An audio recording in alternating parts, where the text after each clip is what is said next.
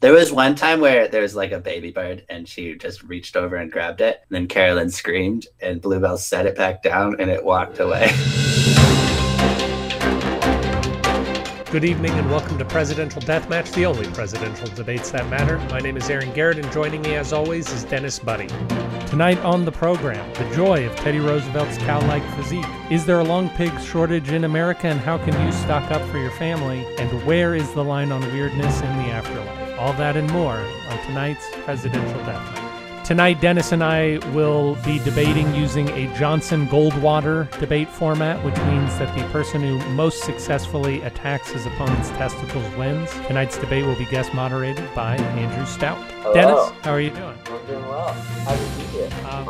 Uh, yeah, no, it's good to have you. Before we do anything, we need to talk about the results of last week. Dennis, we have another retraction. Yes. It was said two weeks ago on the podcast and then again last week that Craig Buddy was the evil version of you. Uh, it appears as though that's not true. He's it's he's his own person. He has agency, fully complete. God gave him a soul, and I, I don't know. I don't know. I guess I guess I just had bad data there, and I apologize for the error. Also, in uh, Craig Buddy uh, appeared to be a really excellent addition to the podcast. In one week, he has surpassed the amount of fan mail that you and I have ever received for this podcast. in that he got one piece of fan mail, uh, and then From an anonymous source, I'm told. that is true from an anonymous source, except that her name is in her email address. And But and she signed called me and said, I emailed and said from anonymous. It was my mom.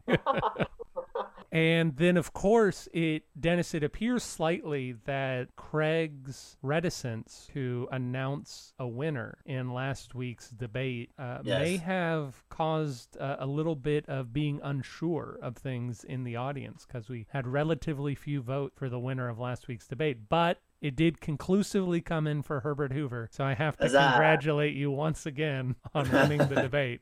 The terror of the Hooverville is real. Craig sent me a retraction, which is he said that he said the only president horror movies he knew were the Abraham Lincoln Vampire Slayer and Abraham Lincoln uh, Zombie. against zombies. Man, yeah.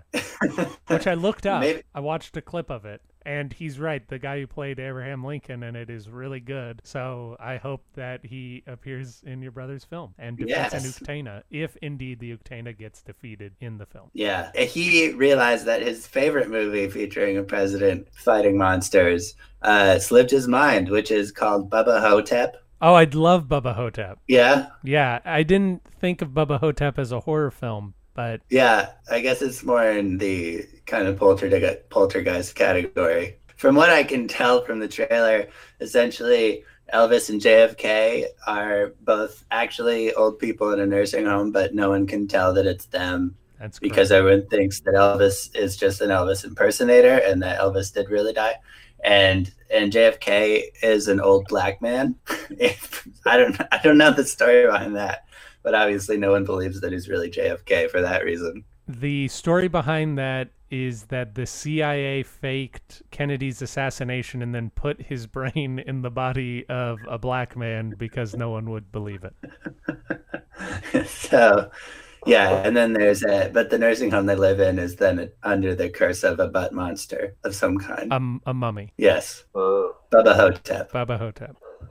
Stars Bruce of them take Campbell. Great film. Yes. And then Tyler wanted me to, this is more just follow up, but I like calling them all retractions. Tyler wanted to also mention that Bloody Bloody Andrew Jackson got cut from the episode and he wants everyone to know about it. So I'm mentioning it again. So, Bloody Bloody Andrew Jackson got cut from the episode. It is a really fantastic musical about the life of Andrew Jackson, which I suppose Dennis, Craig, and Tyler all saw in DC, and I worked on the Houston premiere of. But it's a really great musical. I highly recommend the opening song, Populism Yeah Yeah. Yes, what I had stuck in my head once ended up writing a different sketch without realizing that I was writing it to the melody of populism. Yeah, yeah. The one where he had a glorious dream, but the glorious dream Yeah. where it wasn't as it seemed. Yeah, yeah, yeah.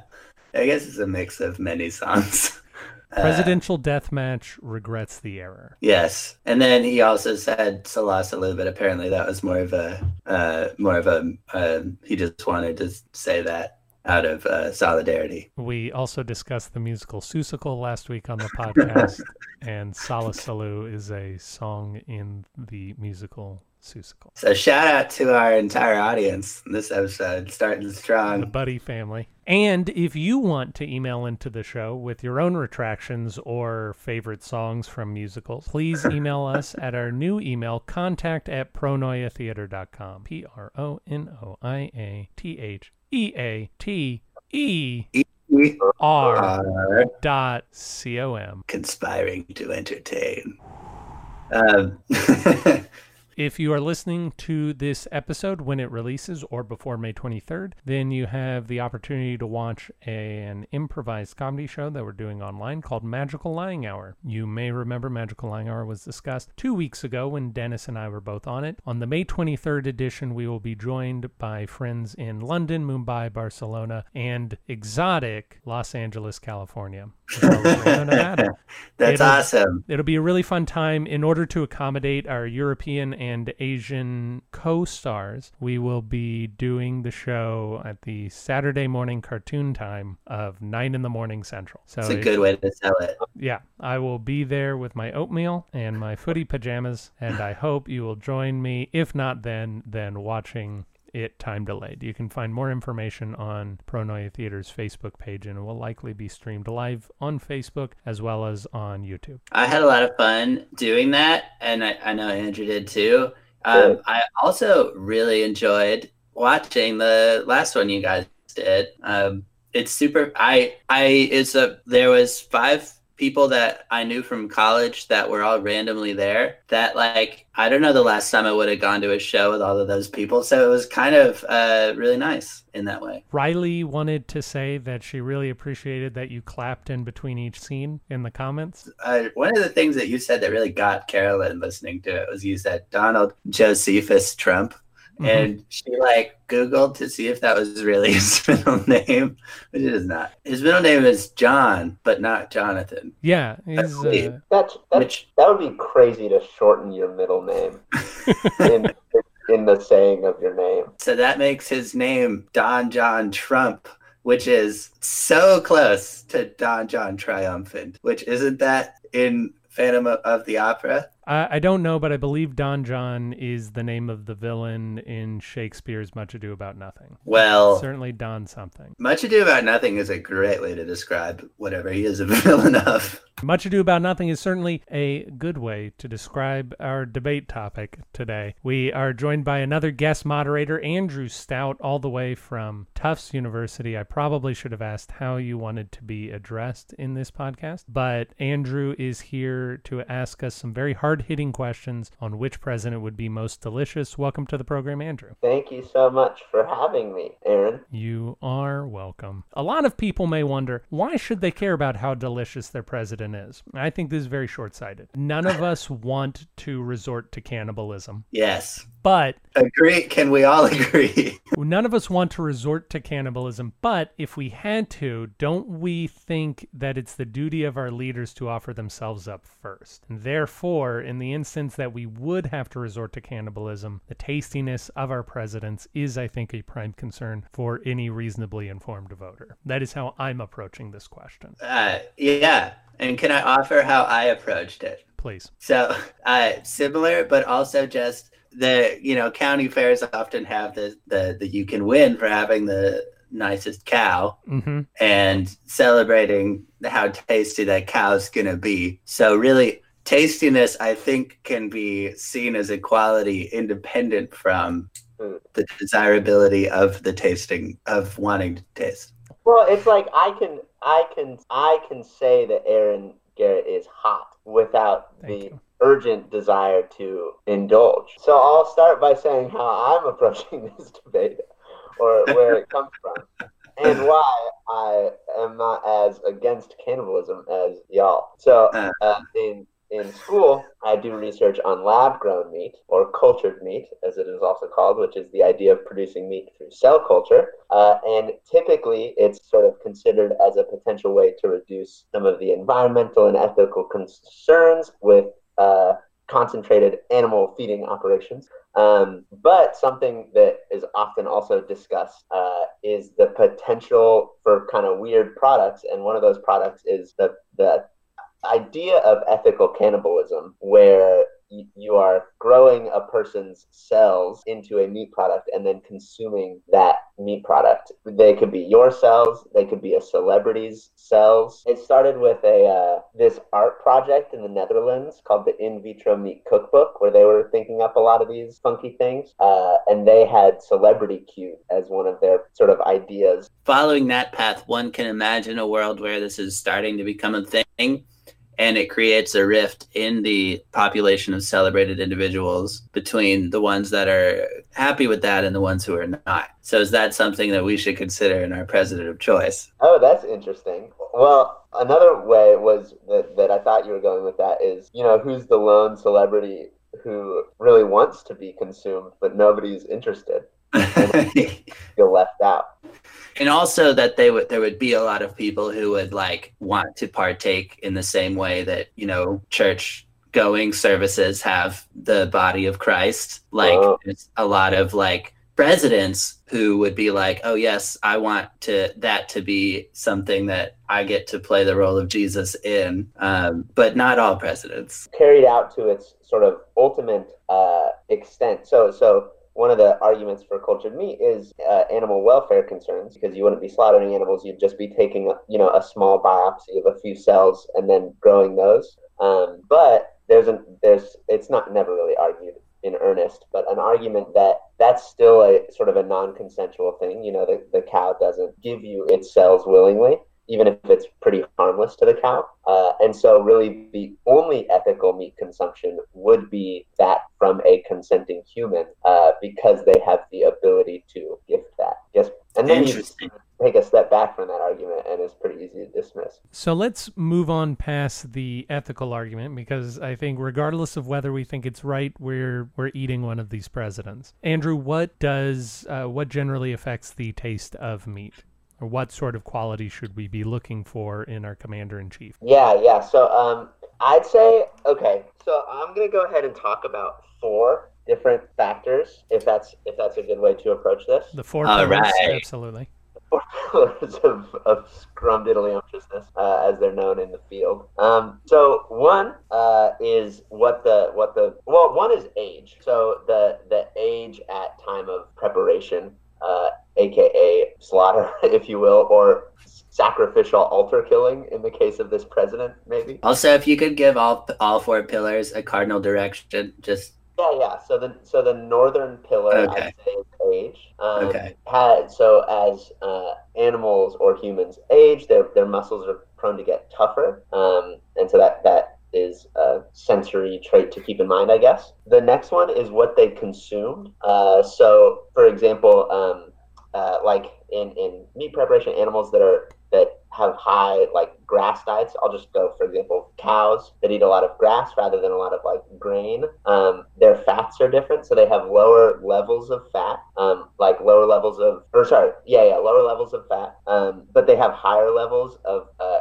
polyunsat- polyunsaturated fats, uh, which are kind of like your, your oily type fats. Um, and so high polyunsaturated fat levels are, are good from a health perspective. Um, so that's sort of a factor to keep in mind. Um, but grain finished uh, animals have more fats, so could potentially be desirable for that reason. Um, the third that I was going to talk about, uh, oh, is is the type. Oh, sorry. So that's west. That's west. Okay, because it felt west, it felt right. east to me. No, that's west. East. Probably because yeah, because you were going in the never eat shredded wheat. Never, never, yeah.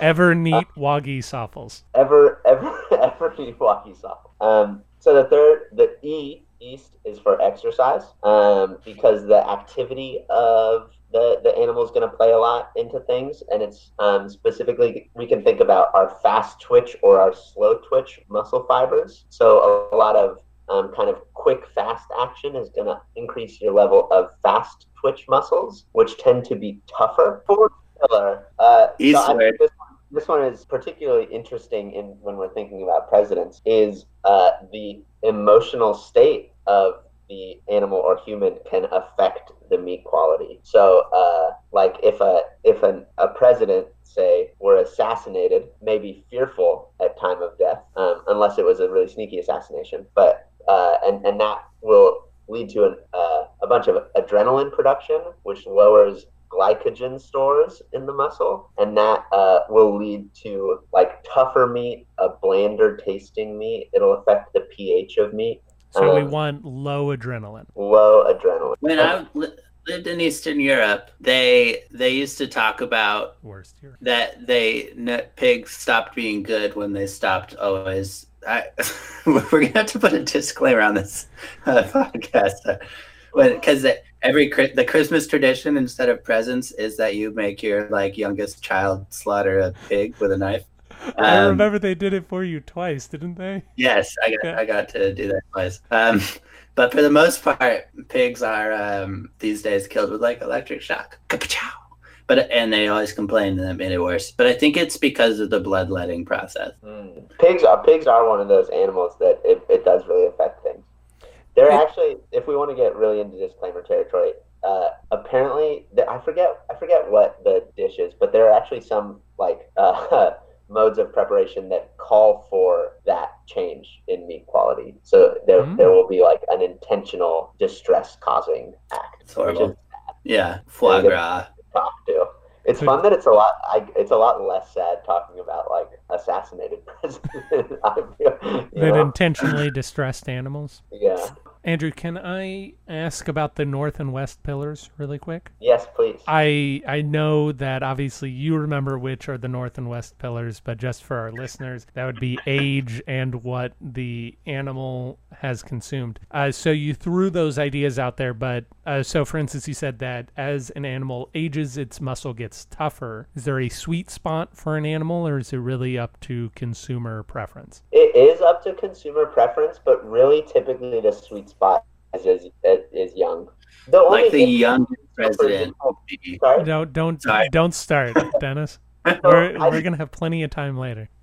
I think it's gonna. I think it's gonna depend on the the species in question, and this this is a, an as yet unanswered question for uh, Homo sapiens sapiens, but um, at, at least that we know of, at least in in the canonical texts. Um, but so like like veal is calf that is uh, like slaughtered very very young, and that is like a much softer meat. So you would never like eat veal and call that a good steak, for example. Um, so I guess there is like in that case a sweet spot, um, but it's it's rarely far into life. Andrew, in my research for today's topic, I read that many cannibals describe the taste of human flesh as akin, most akin to pork more than beef, with one particular notable standout describing it like supple like veal. Are you willing to comment on these uh, cannibals who I assume are in your cohort? They are contemporaries Mhm. in your field. Yeah, yeah. Uh, yes. So the um, when we think about the flavor of meat, sort of like the shared meaty flavor uh, comes from the like muscle cells. So just like uh, like just sort of that distinctly like a lot of um, when it's like tastes like chicken. Uh, that'll be sort of like pretty high muscle meats um, because a lot of the distinct species to pretty much all of the species to species differences are related to the fats. Um, so my my take there would be that our fat is that human fat profile is more similar to pig fat profile than to cow or chicken, and that might have to do with. I mean, a big portion of the difference between pig and cow could have to do with the fact that cows are like they have rumens, so they have multiple stomachs in which they do their digesting, and so they might be uh, like the fat production and the like where they're synthesizing their fats from, and like a lot of times like bacteria are involved in synthesizing those fats. Um, we just like may not have any of those bacteria, whereas we're like more similar to the single stomached animal, but far from chickens because those are more like dinosaurs. Losers. Carolyn listens to this podcast called Wine and Crime, and there was a cannibalism episode the other day that they said in the cannibal community it's called long pork is like the code. Yeah, Long Pig. We did a sketch about Long Pig, and the audience did not get it. Really? Yeah. Well, taking for granted that they would know what that was. Well, oddly enough, I I did not because the writer turned it in, and I said I have no idea what this means, and they said, oh, it's it's cannibalism, like it, it means human meat. And uh, then I was like, all right, is that a thing people know? And they said, well, I knew it. I assume I said, okay. And then I asked Jessica later on that day. I said, hey, so Steven turned in this sketch, and it really turns on the idea of long pig. And she said, "Yeah, human meat." And I went, "Oh, okay. I guess it's just a blind spot I had." And then we did it in front of an audience, and it was dead silent. Uh, I feel like I feel like Jessica, when it comes to horror topics, is uh, above and beyond the average person's intelligence and no knowledge know-how. base. Yeah, You might just be right there. The, I don't really buy this whole grass thing because it seems like the less healthy meat is the tastier meat, and that's the higher grain meat, uh, which tends to be corn. So I did look at some presidents with a high corn diets, which many presidents come from Ohio, so a lot of them like corn chowder and things. Benjamin Harrison. checked out the the like co- the grain fed beef is like flavor flavor wise more desirable. you know? Yes.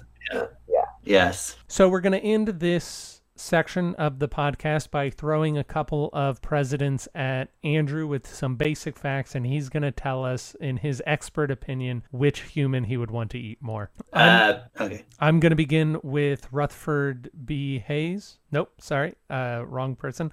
I'm going to begin with James Garfield, who was uh, sprightly 48 or so at the time of his death, and his favorite food, which he ate often, including several times right before his death, was acorn soup, which is filled with uh, acorns, which I read make pigs taste better. So I, I then give a verdict on what I think. Then uh. Dennis is going to pick somebody, Okay. and he's going to Okay. throw a few more facts, and then you're going to say which of those two All right. Well, okay. For this one, I'll say Willie Taft, who was a big boy, and from uh, yes, and he ate simple foods. He ate he ate lots of eggs and uh, meats and things like that. Both of Um, them were Ohio boys, which we brought up just a few minutes ago. Right, which probably means they had plenty of corn. Great. Um, I think so. Uh, who who was Acorn? I know I know who the big the big boy was, but who was the Acorn boy? That was James Garfield. James Garfield. Okay, I'm gonna pick James Garfield. Um, there, and that's because I think so. Two reasons. One, uh, those acorns are gonna uh, add a lot of um, of those unsaturated fats to the meat, which um, is that's I guess uh, maybe a little bit less of a flavor thing, but that's just gonna be it's gonna be good for you. That's gonna be a healthy a healthy choice. Um, and then I'm I'm straying away from Big Boy Taft because consumer uh, preferences have been trending away towards leaner meats and away from a lot of dissectable fat. So when you think about meat with the, the fat in meat, you either have your intramuscular fat, which is like your marbling, um, or you have dissectable fat, which is like the like the fat between the muscle, um, and and that's like like if you're looking at a steak and there's like just a big hunk of fat on it, uh, that's the dissectable fat, and and so preferences have been straying away from too much uh, dissectable fat, and also uh, it's possible to get into the into realms of too much uh, intramuscular fat as well, and I'd be worried that Taft would, would have passed those marks. Fair, fair. I kind of strayed from pre from post 1950s because the preservatives, the plastics in your food, all starts to go through the roof, and I was worried about how that would affect the the tastiness of the president in question. I think Okay. that's I think that that's a reasonable take, but I also think that on average diets are just a lot better these days. When we come back, Dennis and I will debate which president is the most delicious, as moderated by Andrew Stout. Dun, da, ba, ga, da, ba, da. All right, welcome back. Dennis and I are about to debate which president would be the most delicious. Dennis has chosen for his champion, Teddy Roosevelt. and I will be arguing for Gerald Ford. Andrew, is there anything that you would like to say before we go into opening arguments? No, no, I'm just thrilled to see uh, what you have put together. I bet you are. All right, Dennis, when you're ready. All righty.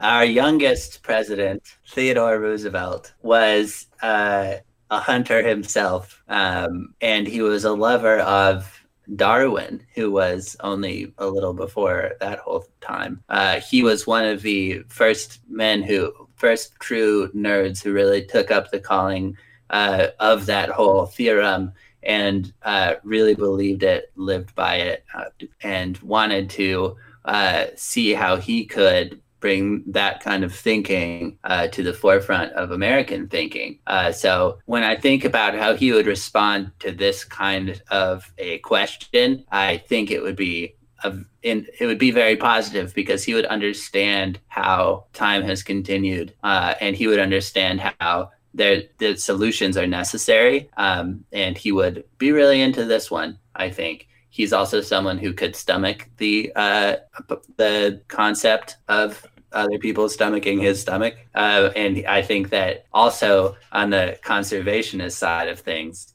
he um, comes from I think the same belief, but he just wanted to do everything he could. He all these national parks and everything.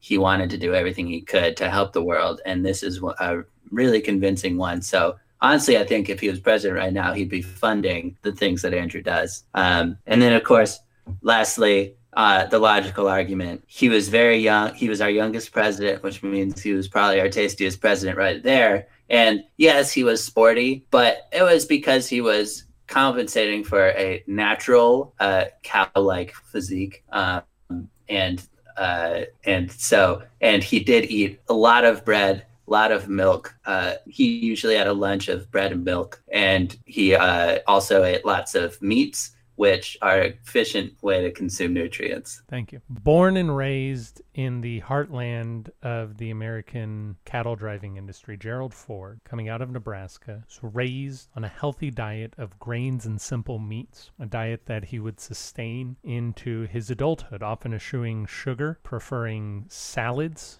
and lean cuts of pork, as well as a large breakfast full of fruits and grains. From a diet perspective, Gerald Ford seems to have an ideal mix of polyunsaturated fats and the other ones. Gerald Ford coming in at six foot and 195 pounds, possesses the ideal parallelepiped shape that is prized in pigs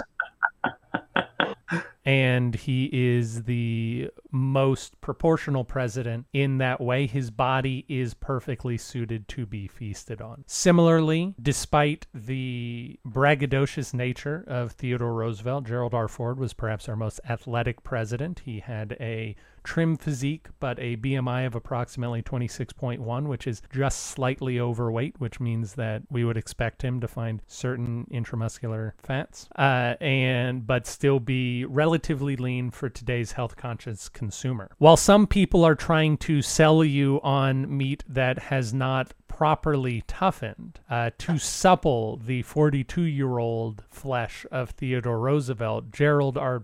Gerald R. Ford comes in at the median age for a U.S. president at 61 years, which means he has been just ripened enough that you know you're getting a quality product. Gerald Ford is built tough. He has an ideal mixture of fats and solids, and he has the kind of low intensity but high regularity activity that won't spoil the meat, unlike thrill seeking safari hunting Theodore Roosevelt. Thank you. Incredible on both accounts. Um, so I'd like to I'd like to follow up um, with a, a, few questions. Um, first, uh, for Dennis, I, am curious just to hear you respond to uh, Aaron's uh, claim that Teddy is potentially too athletic um, for this uh, this feasting.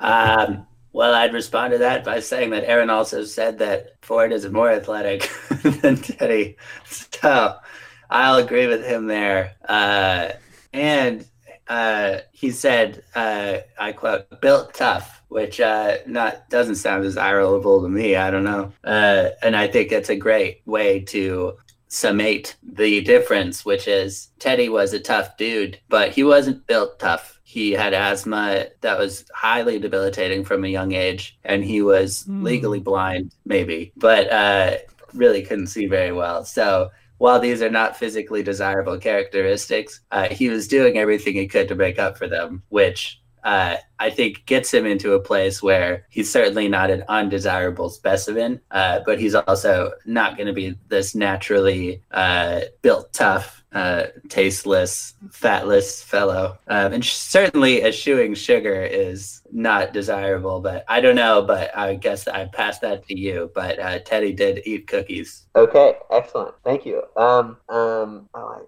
oh, Aaron, for Aaron. So Yes, uh. I think that this kind of is going to get to a, a an interesting question, and, and I'll let you. I'll let, I'll let you kind of answer this however you will, and you can debate the question if you'd like. But um, Gerald Ford, uh, so he lived to the. I mean, he was he was president uh, at sixty, like you said, but he he lived to the ripe old age of ninety four. Um, and so uh, I'm curious, kind of, because I think that the age isn't necessarily just the the age. Uh, are, are we only considering the age in office, or are we considering uh, the consumption of a naturally expired person as well? I believed, and Dennis, you can uh, also debate if I'm wrong, but in general, Dennis and I consider the quality of a person at inauguration. Okay, okay. Well, then, Indeed. there goes my question about his age. Um, so uh, I will move on to a question for both of you, uh, which is uh, I'm curious. Um, what what? Uh, so you're you're I guess put yourself in the shoes of a marketing agent. You're marketing this to the American people. Oh, I don't have to put myself in the shoes of one. What? You're marketing uh, this this new food item to the American public, um, and I'm curious what what uh, part of uh, these presidents are you are you marketing as the premium cuts? Why? nose, nose. Uh, you, you mean literally the physical place on the president w- from which we are extracting, or are you saying that in uh, in the mode of a marketer, are we just coming up with the story that we're selling? Uh, no, no. Which body part? Which body parts? Um, And why? Not just generally, but specifically. I- I'm for- thinking the loins. Okay. I'm a loins guy. I think that uh, he's got strong, muscular loins that are appropriate to to enjoy. I think that uh, again, if you look at the shape and how they are built, there's a lot of meat on those bones from the loin. I think it is uh, there's a lot of activity in that area from the various athletics that he engaged in, uh, and. Uh, I I mean I just think it's a real fantastic cut of meat. What can I say? You got to go with the uh, the T-bone. Get the, call it the Ford Model T. Serve that up. Oh, I thought you were gonna call yours the T-bone because he's Theodore Teddy Bone. Yeah. T-bone. steak. So we're both I- serving a T-bone. We've got the Ford Model T-bone and the Teddy Bone. which of course is uh, is uh, when you're splitting, uh, you got the ribs, and uh, it uh, forms a plus sign shape as you can visualize, and then when you split that in half, you get your T, which probably in a person isn't a real thing you would serve. Don't know though. Dinosaur ribs. No, uh, I think Teddy's ribs. Uh, teddy bear. But what part is the teddy bear? Yeah, the teddy bear bum. Okay. So you're Teddy's going bear bum. the Rump. the rump. Yeah, Teddy's bear bum I think that's is what you call it. Sorry. if I think that that's a good one. Also, Dennis, because um, T- Teddy spent a lot of time on a horse. If I, if the photographs I've seen are any indication, And he was a rough rider. Yes, so and that's that, that would kind of that would get you some massaging of the rump bones, so you could maybe head into the direction of sort of a Kobe uh, beef type thing um, that would really tenderize. He, he's kind of been tenderizing that rump. I have to one. ask whether the moderator is clearly showing favoritism to one. Hey man, I handed you Ford Model T. No, no, I'm clearly not showing favoritism because when I tried to think of specific questions for each of you, I couldn't think of one for you, Aaron. I only had qualm, only immediate qualms with Dennis's pick. So Thank you. I'm, I'm trying to even out over time. Um, you kind of, you kind of Okay, so you kind of both answered my my. my well, no, you didn't quite answer it. So I want to know, uh, sort of what, what, how you're serving these signature dishes that you both uh, have. You know, what's Yeah. pairing with? Um, Oh, of course. So uh, the Yeah. presidential. Uh, Dennis, do you want to go first? No, no, no, no. Okay, sure. So at the Ford Presidential Library in Grand Rapids, Michigan, they're of course going to serve uh, Ford and waffles because Gerald R. Ford loved a waffle. So you're going to get uh, a fried piece of Ford with the waffle. It's going to have a whipped cream strawberry compote with it. Now, this is if you're coming for breakfast or lunch. If you're coming for dinner, it's going to be uh, more of a chop. It's going to be a thin chop with a cabbage salad and a, a cherry glaze. Because uh, the cherries in Michigan, I think we all understand where that comes from. Ah, thank you. That's interesting because because it's interesting that he liked he ate a lot of uh, this of waffles, like you said, and he also loves cabbage. hmm And um, it's interesting that like you're eating both him and those things that he ate. Yeah. It's kind of like you're eating waffles and cabbage only in a way. Because you are. They've just been transmuted in one case Indeed. into flesh. what is to embody? What does it mean to embody someone? Yes. You are experiencing Ford as he himself would experience himself. Yeah. Yeah. Bully. Okay, Dennis. Yes, so the HEB is a grocery store down here in Texas, and uh, it stands for Herbert E. Butt. Uh, his last name was Butt, and, which is hilarious. And uh, that it's a great grocery store. And one of the fun things they do is they have their own little food trucks that they do whatever with. So you go down to your HEB, there's a food truck uh, in the parking lot. You're like, oh, have fun. And it says on it, come get Herbert Butts, Teddy's butt. and then you can go and you can uh, you can buy uh, Teddy's butt and a bunch of different fun food truck friendly dishes or frozen to take home and grill yourself. Awesome. This food truck. That is Teddy hated monopolies. This is well known. known. He would not want to be in a chain store. yeah. Well, he he would not want to be in a uh, store that didn't serve the people. That Yeah, is true. didn't that Wow. didn't make it easy to take your your your meat out to a grill in in the park and uh, It's a blue collar butt. Yeah. Yeah, Yeah, that's good. Just an easygoing, very rich, Harvard educated, blue collar guy. Yeah. Okay. Um. Cool. So, uh, th- that kind of um, you're. I guess this is this is we're kind of jumping off of my my question set here. Um. But Aaron, man, you think of this uh about the whole thing about um you're experiencing Ford, how Ford would experience himself, and so I'd like to put us kind of maybe maybe into that culture meat world um, and think about uh, which, which of these presidents would be most uh, amenable to self cannibalism and and would really sit down and enjoy this meal with you? Because I don't I don't want to I don't just want to eat, eat you. I want to eat you while I watch you eat you. Eat eat me, eat you. Yeah. You're going to win a date with one of these presidents where you get to also eat them. Who is the best date? Yes. Is that a fair rephrasing of the question? yeah. Dennis, would you like to go first? Uh, I think that one way to put that question too then is like, uh, who's more celebrated, Teddy Roosevelt or uh, Gerald R. Ford? Um, and I mean, I I don't. I think if we just look at volume of, of text uh, composed about the two of them opposite each other, we might we might find that Teddy Roosevelt has more. Uh, and he did have just to build on that, he did have that kind of demagogic quality that I was mentioning earlier. He he was a very intense person.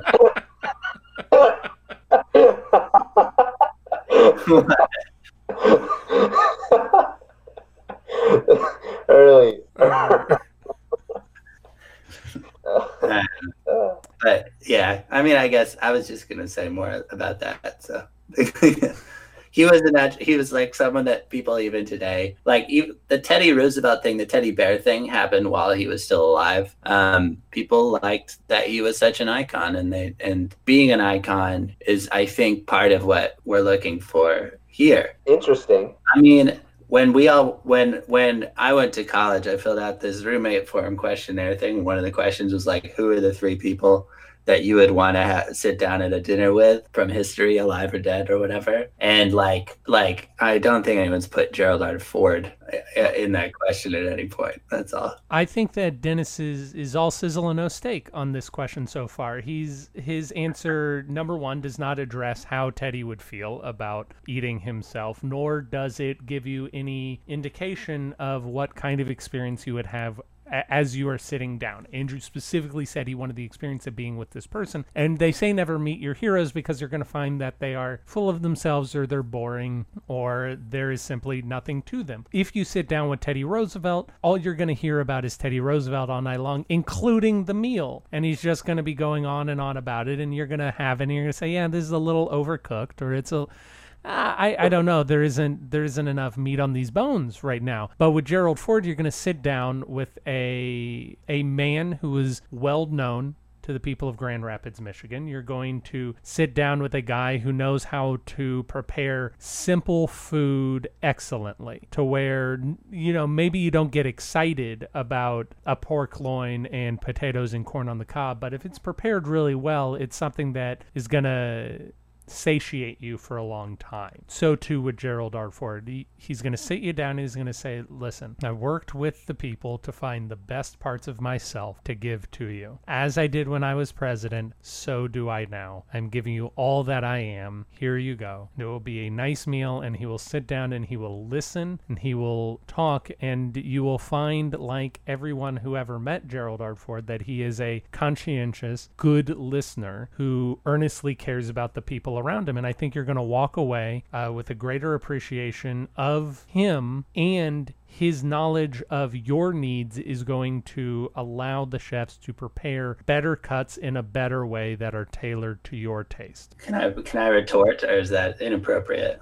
Oh, sure. So I think realistically, we go, we snap our fingers, and then like all of a sudden, Ford and Teddy Roosevelt both find themselves in little chambers, and then you open them, and they're like, "What's happening? I was sleeping." And then you're like, "No, no, uh, someone has wished for you to come back to life to come have a meal with them," and they're like, "Oh, okay." You know, weirder things have happened in the afterlife. So they like come and they sit and there's this kid there and he's like oh my god you're the person that i wanted to eat with and then like the food gets set down and then uh, you know out of curiosity gerald ford is like oh what are we eating anyway and the kid's like oh it's you and ford throws up on the table and then he gets up he trips and he falls and then he gets up again and he leaves. And now TR, same scenario. And he comes out. First of all, like you said, it's half an hour into the dinner before he thinks to ask what it is you're eating and before you get the chance to, you know, talk about it. But how bummed are you really? It's Teddy Roosevelt. You're hoping he can get as many words in as he can because it's interesting. Also, it's full of joy. And then you say, well, actually, TR, can I call you TR? He says, bully it's uh, it's you. And then he said, he says, oh, what do you mean it's me?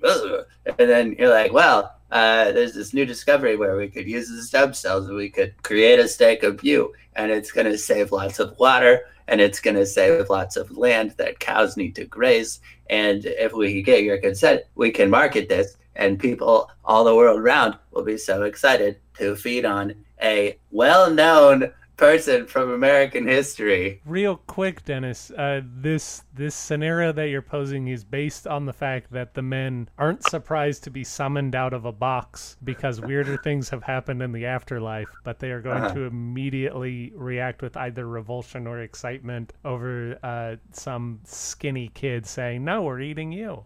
Yeah.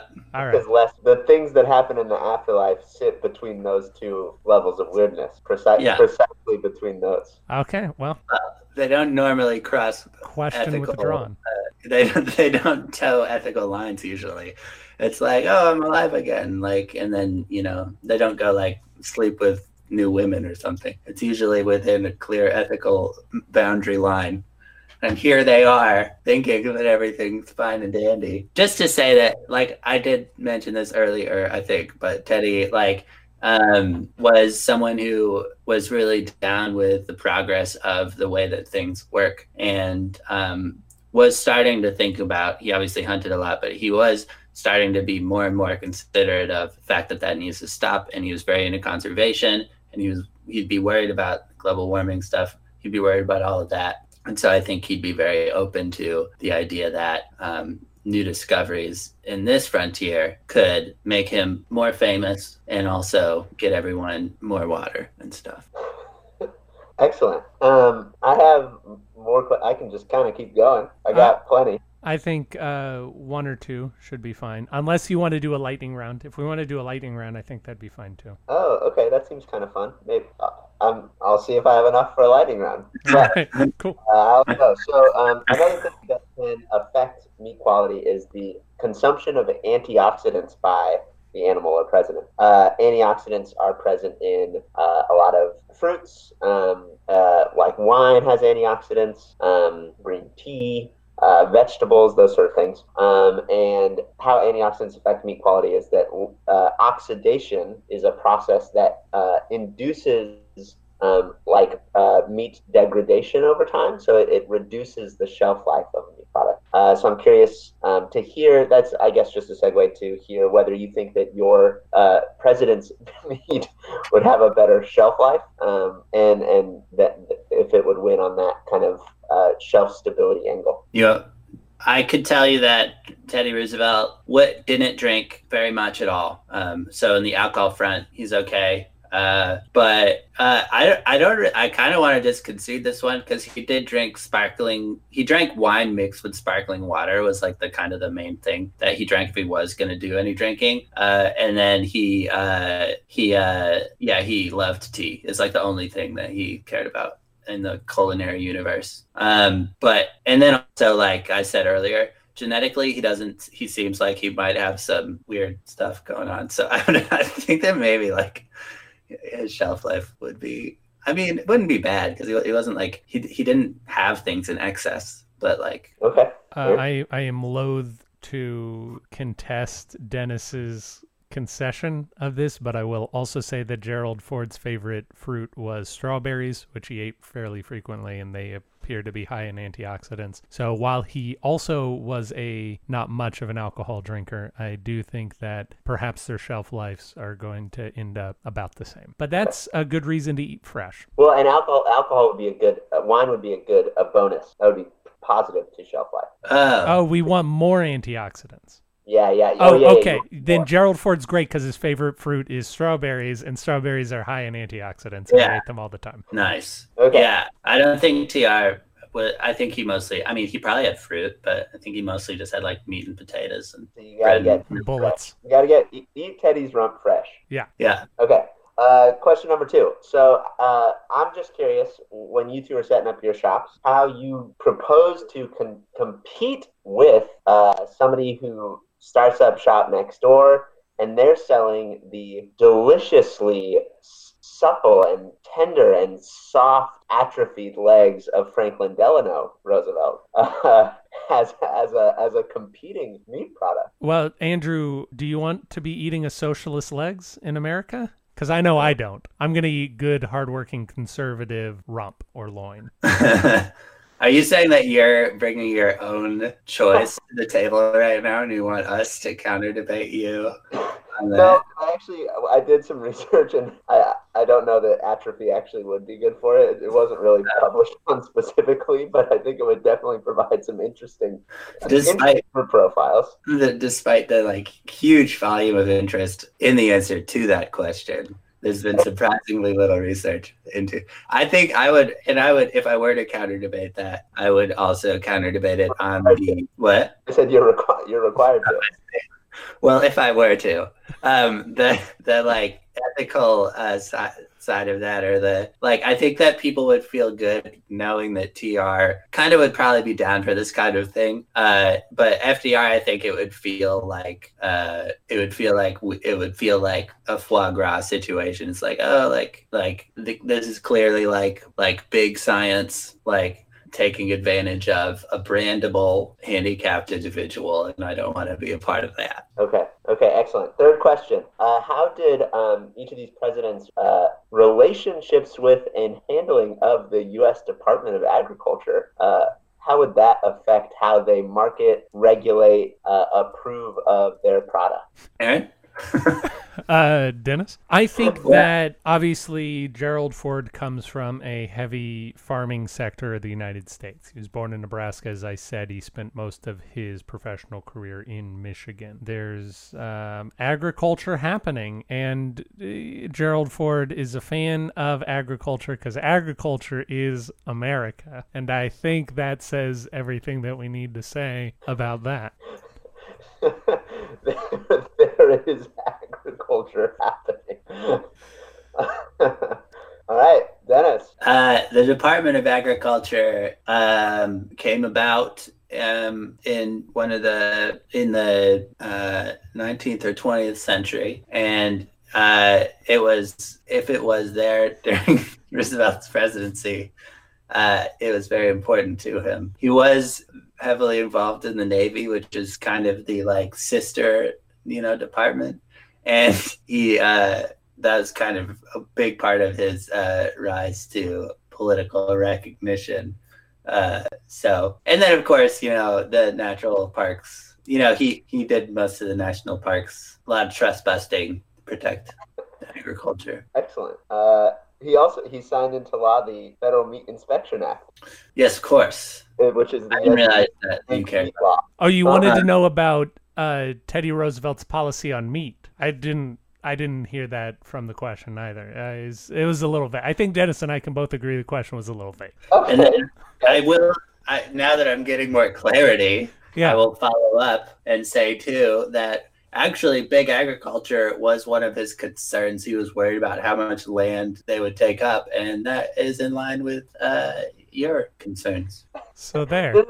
This, is about, this isn't about my concerns. This is about two people sitting down to eat one of those people. Andrew, Okay. we don't need your northeast ideas.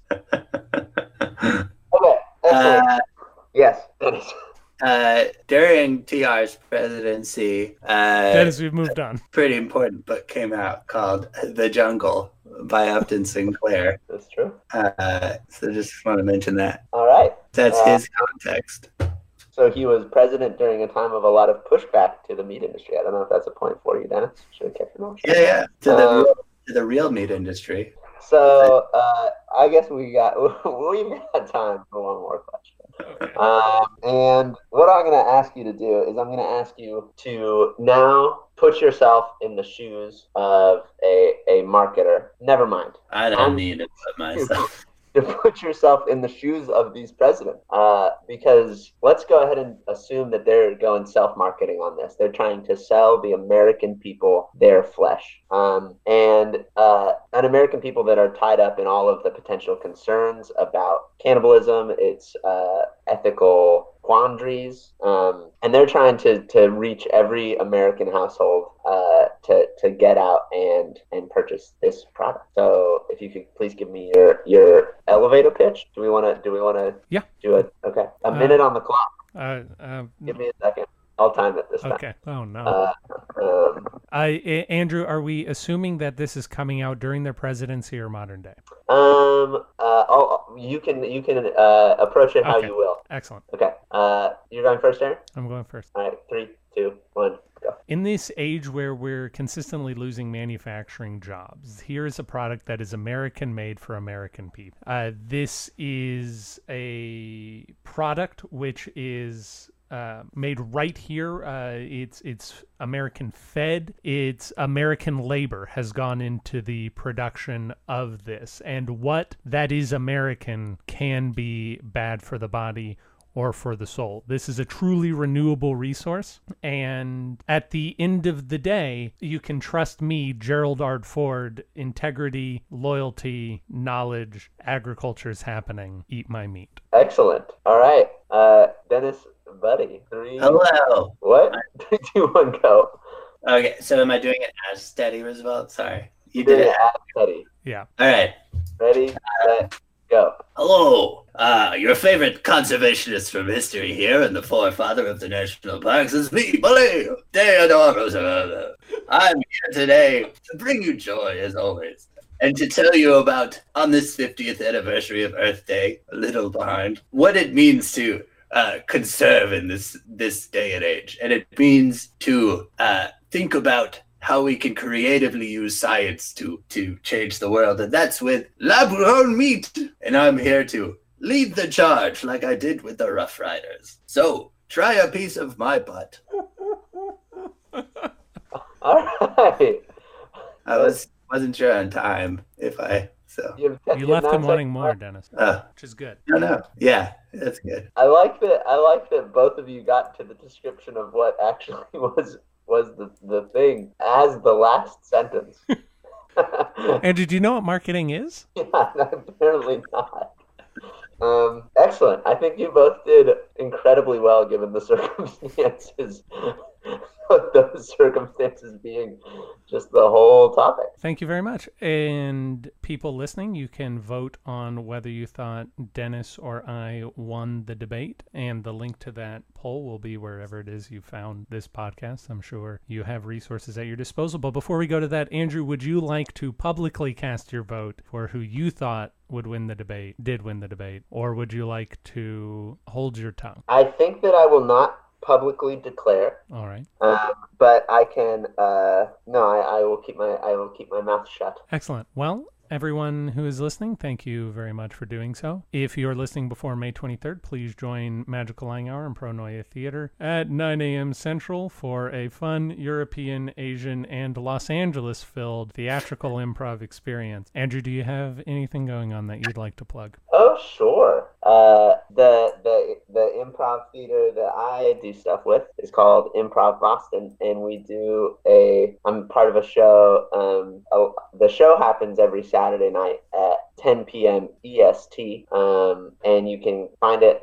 I would just Google Improv Boston Twitch. It's on Twitch, and whenever I find it, that's how I find it. I don't I don't have a link. Thank you for listening to Presidential Deathmatch. If you enjoyed this, you can find more on Apple Podcasts and Spotify. If you would like to send us an email, you can do so at pronoiatheater at gmail.com. You can see more at pronoiatheater.com. Presidential Deathmatch has been a production of Pronoia Theater and edited by Aaron Garrett.